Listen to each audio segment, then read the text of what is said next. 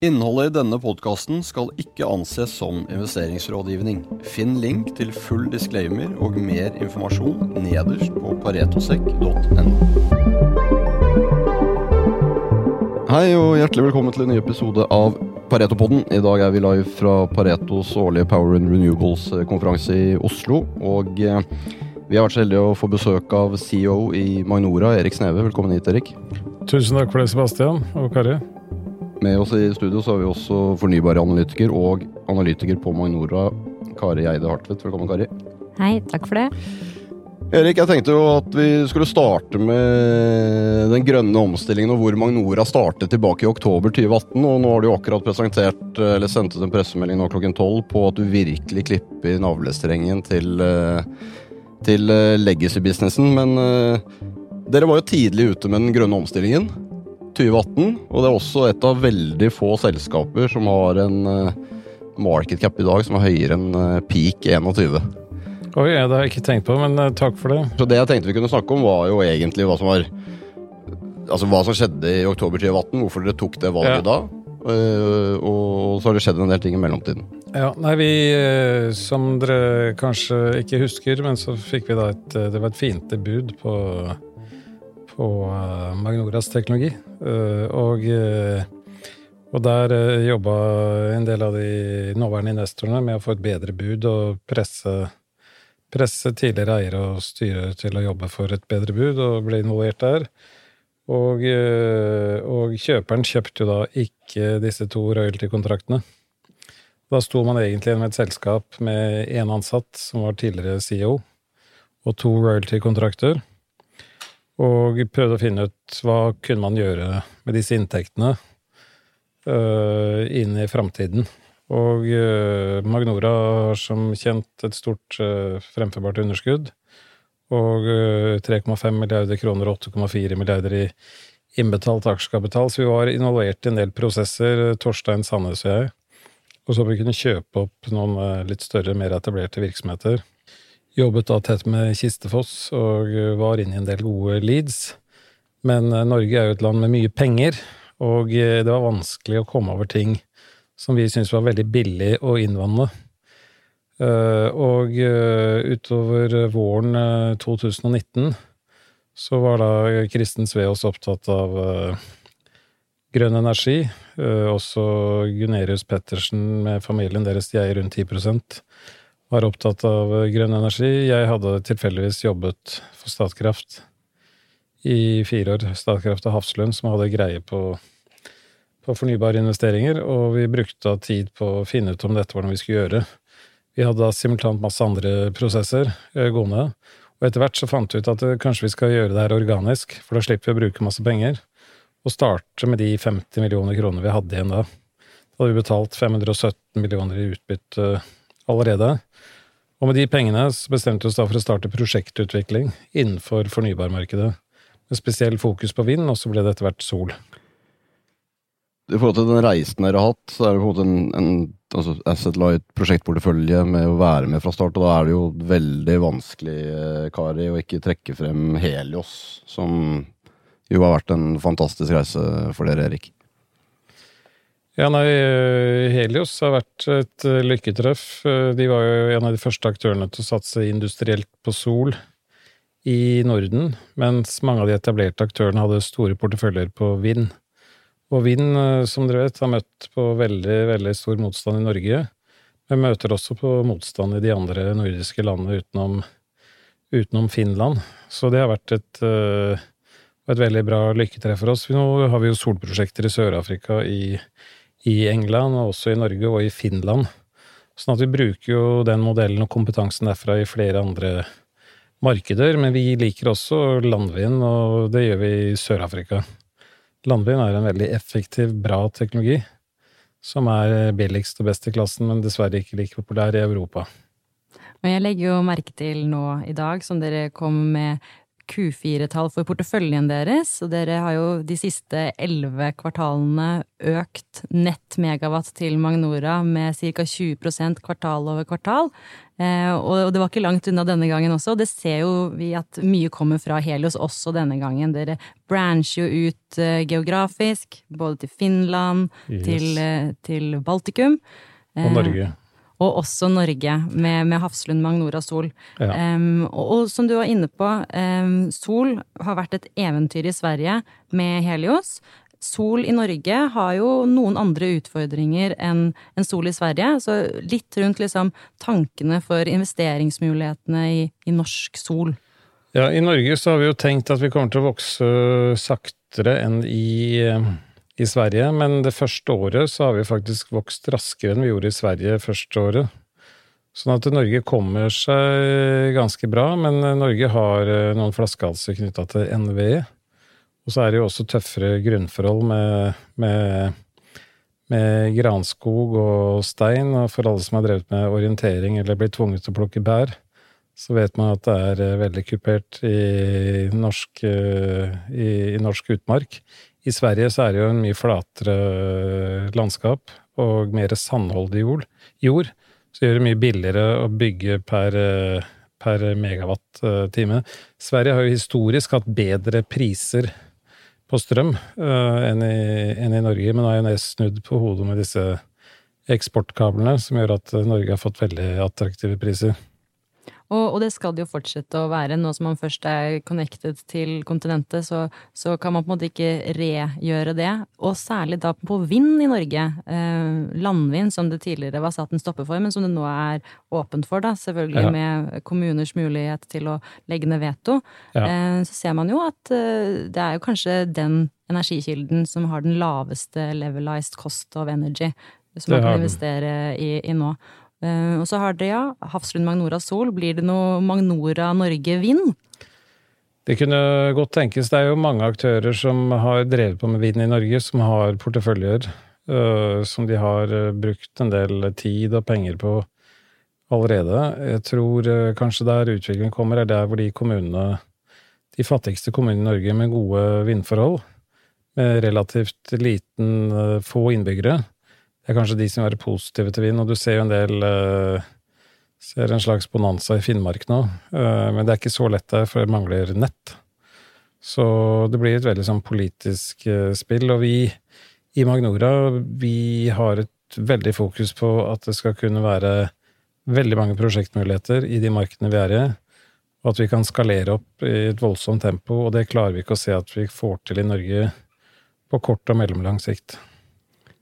Dere var jo ganske tidlig ute, og så har det vært en enorm uh, berg-og-dal-bane med en ekstremt uh, høy og så en ekstremt low for veldig mange selskaper. Hvordan for dere som måtte la en strategi i 2019, hvordan har det vært å, å manage det gjennom de tre-fire årene vi har vært igjennom nå? Ja, det har vært, eh, det har vært litt krevende til tider, men, men, det er jo sånn at, at ethvert selskap på sikt blir verdsatt til, eh, til eh, hva slags balanse man har, hva slags inntjening man har. Og vi har jo hatt en organisk inntjening. Så vi har også klart å vise at vi kan gjøre exit. Og den eh, nedturen vi fikk i 2021 på børs for fornybare aksjer og for tech-aksjer generelt, var kanskje sunn for oss, for det gjorde at vi gikk inn i exit-modus litt tidligere enn vi hadde planlagt. Og det er veldig bra for kulturen, at vi har fokus alltid på hva ønsker kundene? Sånn at hvis vi hadde holdt på lenger i bare utviklingsmodus, så kunne det godt hende at vi hadde utvikla prosjekter som ikke markedet var interessert i. Nå har vi jo solgt en rekke kunder og mange ganger, og vi har bedre fil på hva kundene vil ha. Så jeg syns det har kommet en del gode ting ut av, eh, av, den tilbakegangen også. Og det er ikke sånn at uh, i andre bransjer at alle selskaper er prisa likt. Det er de som tjener mer penger enn foregående år, og med gode vekstutsikter og med lønnsom vekst, og det prøver jeg å ha fokus på. Prøve å ha en smal eh, organisasjon og fokus på lavest mulige kostnader. Og fokus på en diversifisert portefølje, hvor vi kan selge prosjekter basically hver måned eller hvert kvartal, sånn at vi har en god nyhetsstrøm til markedet. Det har vært interessant å se at uh, en kapitallett approach i det året hvor rentene steg og steg, det har jo gitt seg utslag i aksjekursen. Uh, når vi nå ser på de 54 selskapene i Oslo som er listet eh, innenfor enten fornybar eller cleantech, og tar et vektet gjennomsnitt av det, så er det ned nesten 30% i løpet av 2023. Magnora er opp over 50 Oi, ja, det var jeg ikke klar over, men uh, hyggelig å høre. Du snakket jo litt om uh, forskjellige geografiene i sted. Hva Sør-Afrika, hvordan Når dere sitter og ser på muligheter nå, hva ser du ikke bare innenfor de forskjellige geografiske områdene, men også innenfor de forskjellige segmentene, og eventuelt nye segmenter? Ja, nei, vi, vi, I Sør-Afrika og andre steder så prøver vi å se om det er mulig å replikere prosjektene våre i, i i, i, mange prosjekter, gjerne et dusin, to dusin. Uh, litt overraskende for alle i Magnora at vårt første salg i Sør-Afrika ble batteri. Fordi vi hadde ikke fokus på batteri i det hele tatt før, denne, før dette anbudet fra sørafrikanske statlige uh, kraftselskapet Eskom utlyste et batteriprosjekt i, på, i mars 2023. Så det viste bare at du er nødt til å ha areal. Uten arealet så hadde vi ikke hatt noe å selge.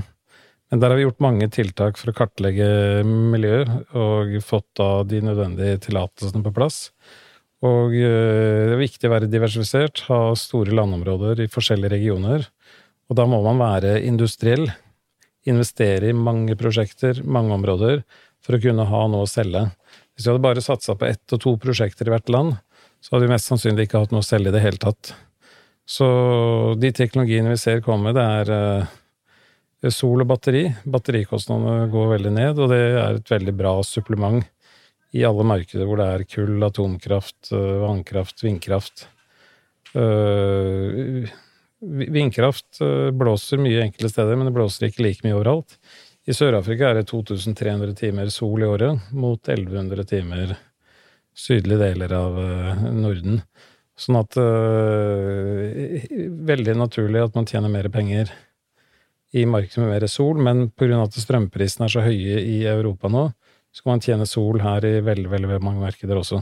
Og batteri sammen med sol blir jo veldig viktig fremover. Man ser jo at der hvor det er sol, eh, så skinner det i større grad samtidig overalt ja. enn hvor det er vind, for vind er mer lokalt. Så priskannibalisering på vind ofte typ sånn 7% priskannibalisering på sol, typ 40 Så ja. det å ha et batteri som kan Veldig balansere ut der, det blir kjempeviktig. Jo, jo, mer og mer sol som kommer. Ja.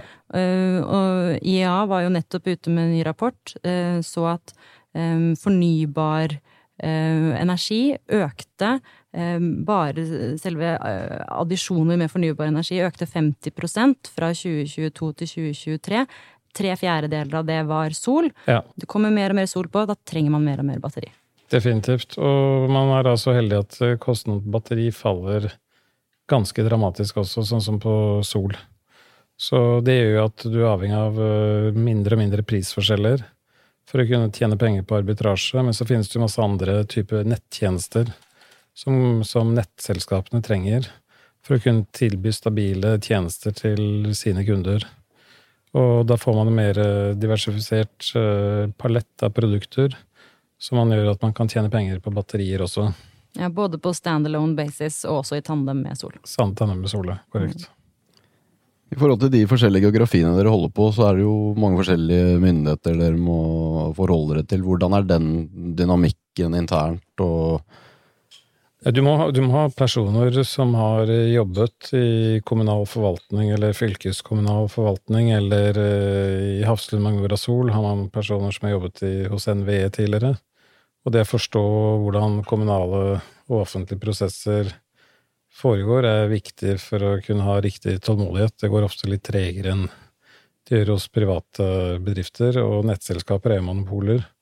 Og monopoler pleier jo som regel ikke å ha de beste kundeserviceavdelingene. Det eneste unntaket er da det norske Vinmonopolet.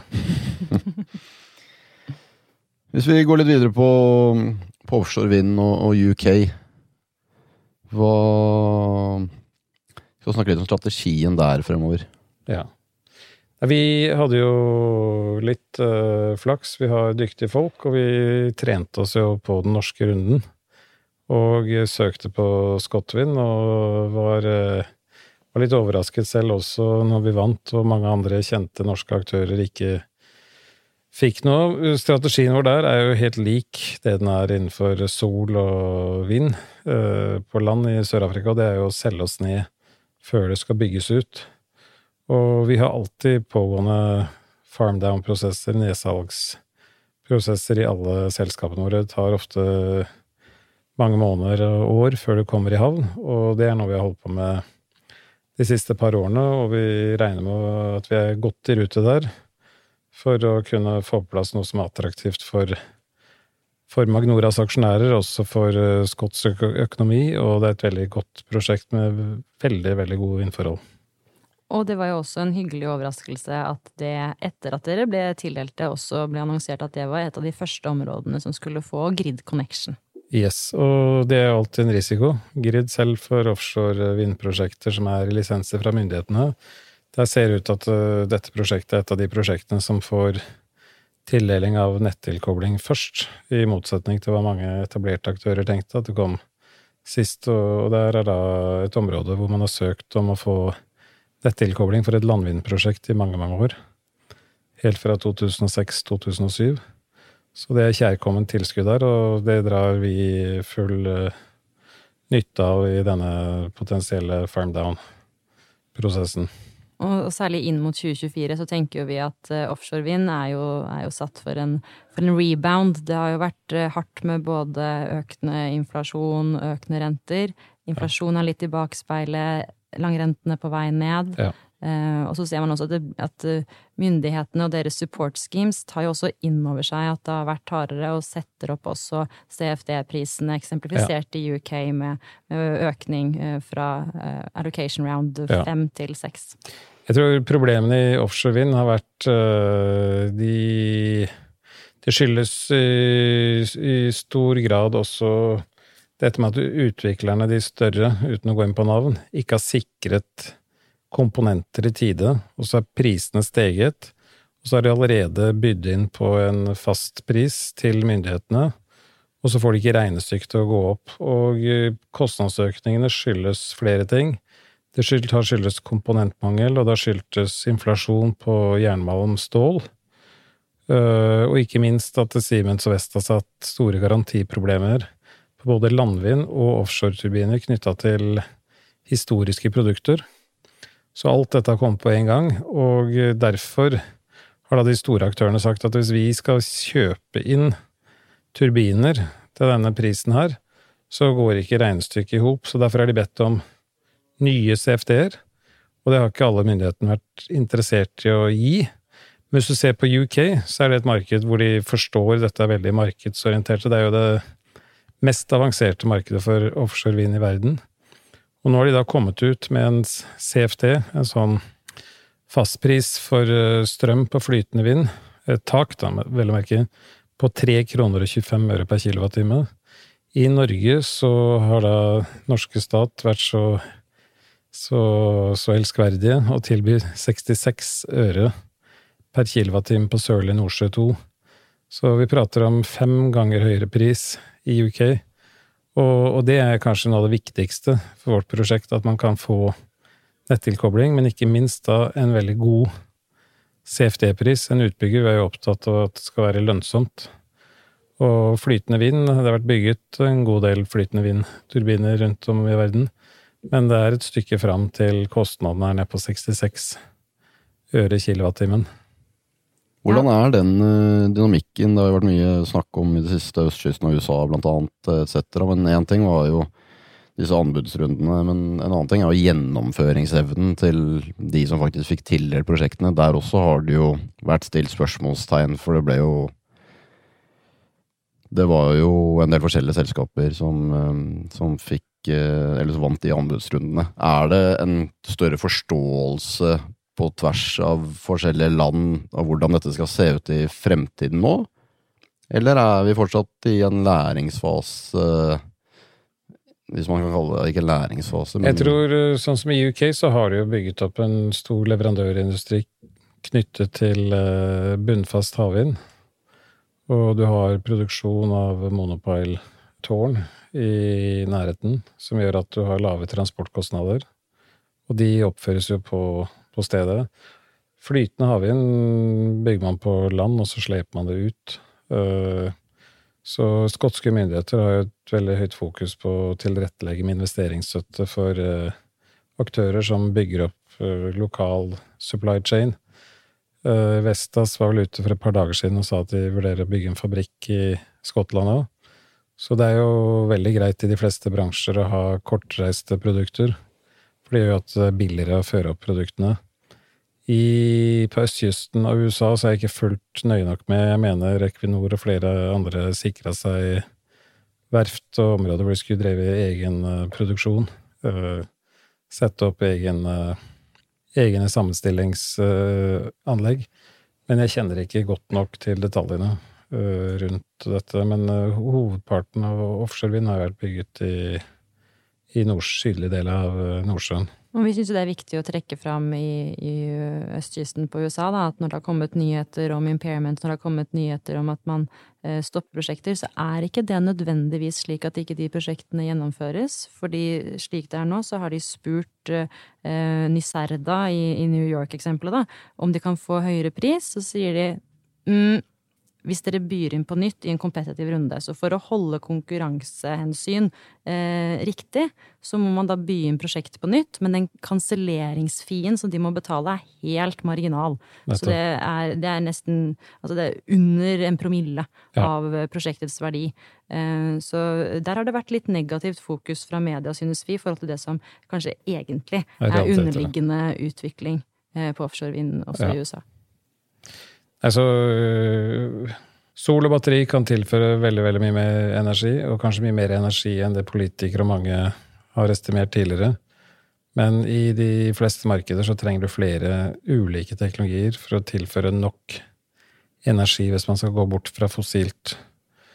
Og så syns jeg jeg ser en ganske god nyhetsstrøm knytta til CO2-fangstteknologi, og jeg tror ikke man kommer utenom og måtte tilby disse aktørene som har naturgass, eh, muligens eh, kull også, eh, CO2-renseanlegg, for å kunne nå disse hårete målene til EU. Og så kan det hende over tid at man innser at det er uh, umulig allikevel. Men, uh, men i alle markeder så krever det en, en blanding av vannkraft, vindkraft, solkraft, offshorevind for å kunne tilby nok strøm, grønn strøm. Karbonfangst synes vi også ser så spennende ut. Eh, vi vet at hvis vi fortsetter med den utslippstakten som vi har nå, så er 1,5-gradersmålet en saga blått innen 2030. Man trenger alle de verktøyene man har i kassa, også karbonfangst. Eh, ved inngangen til 2023 så var annonsert prosjektkapasitet rundt, eh, som skal materialisere seg i 2030, bare på 240 millioner tonn fanget årlig. Nå har det eh, steget til 420. Det har nesten doblet seg. På Oslo Børs i Q4 så fikk vi ukentlig meldinger fra de karbonfangstspillerne som er listet, om at det har kommet inn nye avtaler, nye prosjekter. Der, der, ser vi kjempeaktivitet. Så det blir spennende med karbonfangst også inn mot 2024. Veldig. Men det driver ikke Magnora med, altså. Når du ser på det du driver med, da, Erik, og, og i de forskjellige regionene, hva, hva, er den største flaskehalsen? Og det varierer kanskje fra, fra land til land også. Og hvordan veier dere det opp mot hverandre internt? Den største flaskehalsen er jo tid. Det krever ofte sesonger å telle trekkfuglers aktivitet. For trekkfugler trekker jo bare to ganger i året. Så det er ofte Det er en, det er en ikke en flaskehals, men det er en faktor som, som, gjør at ting tar tid. Så er det jo da lokale myndigheters evne til å behandle søknader raskt nok.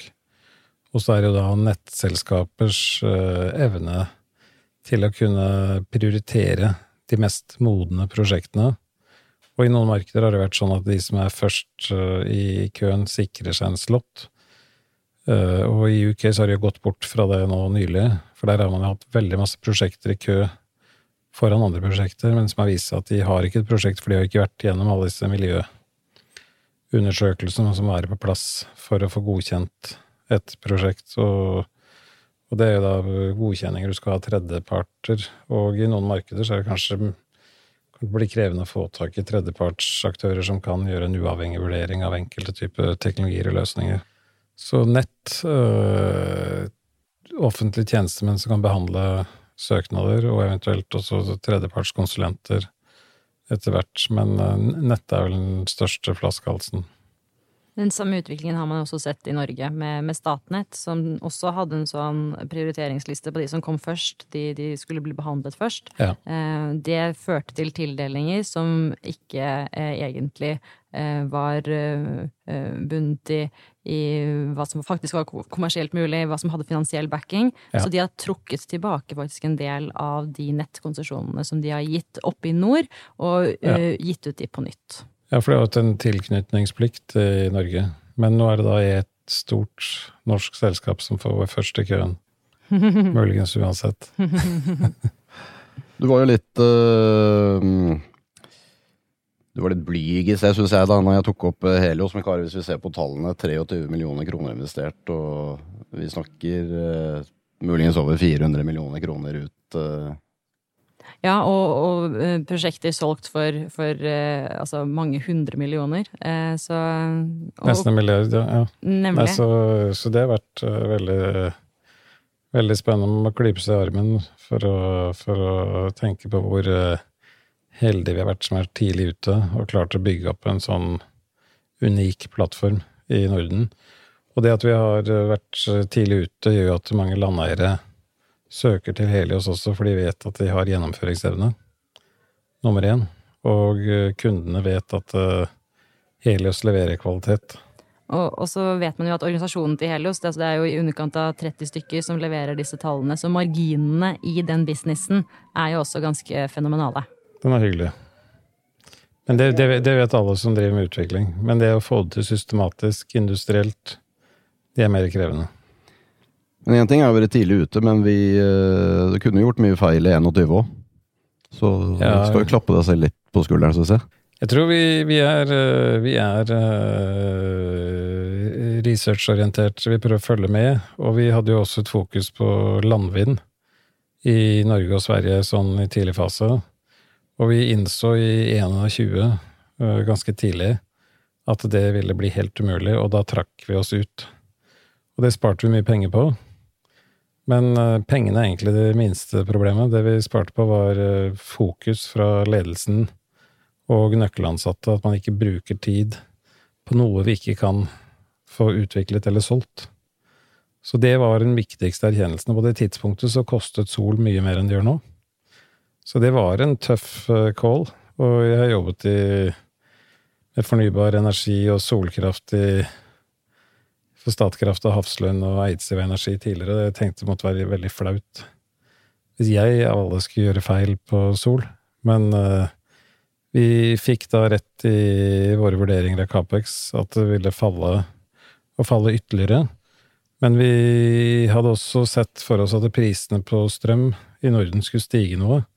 Vi hadde ikke i vår villeste fantasi tenkt at det kunne doble seg sånn som det er gjort. Eh, og det gjør at du har en ganske robust enhetsøkonomi. Med den mengden sol man har nå. Når du kommer opp på 40 eh, som er mange år til, så vil det være en annen sak, men på de nivåene man er nå, så er det veldig, veldig hyggelig. Og så har vi da hedget oss ved at vi også har batteri. Muligheter på de aller fleste prosjektene våre. Veldig bra. Jeg tenker vi uh, lar det være poddens uh, siste ord. Hvis dere har lyst til å lære mer om Magnora, så er det bare å klikke seg inn på Magnora sine hjemmesider. Der finner dere både presentasjonen fra i dag, og uh, kan jo være verdt å lese gjennom dagens pressemelding også. Alle Paretos analyser finner du selvfølgelig på online.paretosek.com. Erik, det har vært en fantastisk reise dere har vært gjennom til nå. Dere har vært flinke, og det blir spennende å følge dere fremover. Takk for at du kom i studio. Takk for det, Sebastian. Takk for det, Karin. Takk.